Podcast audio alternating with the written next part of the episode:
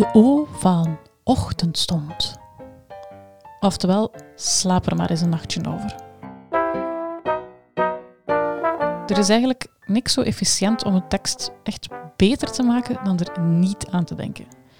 Als je hem eh, een nachtje laat liggen, dan komt er vanzelf meer smaak in, gelijk bij chocomousse. Want terwijl je slaapt, gebeurt er namelijk niet niks. Ergens tussen je eh, dromen en opstaan om pipi te doen, rijpen er dingen in je hoofd. En dat is meteen ook de reden waarom je ochtends met een fris hoofd plots wel nog tikfouten vindt en nog een betere titel bedenkt. Dat komt eigenlijk omdat je brein uit twee delen bestaat. Je hebt de gedragspsycholoog Daniel Kahneman. Hij noemt dat systeem 1 en 2, maar makkelijker is misschien Tom en Jerry. De ene is degene die eh, sprint en het op rauwe emoties speelt. De andere heeft misschien wat meer tijd en concentratie nodig.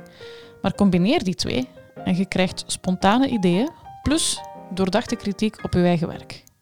En die switch tussen dat Tom en Jerry systeem, dat is bijvoorbeeld exact wat er gebeurt als er uh, een woord op het puntje van je tong ligt, maar je kunt het niet pakken. En dan, drie uur later, staat je in de supermarkt bananen te kiezen en tjaka, plots heb je het. Dat is omdat uw trage brein al die tijd is blijven doordenken, terwijl uw rappe brein al lang met iets anders bezig was.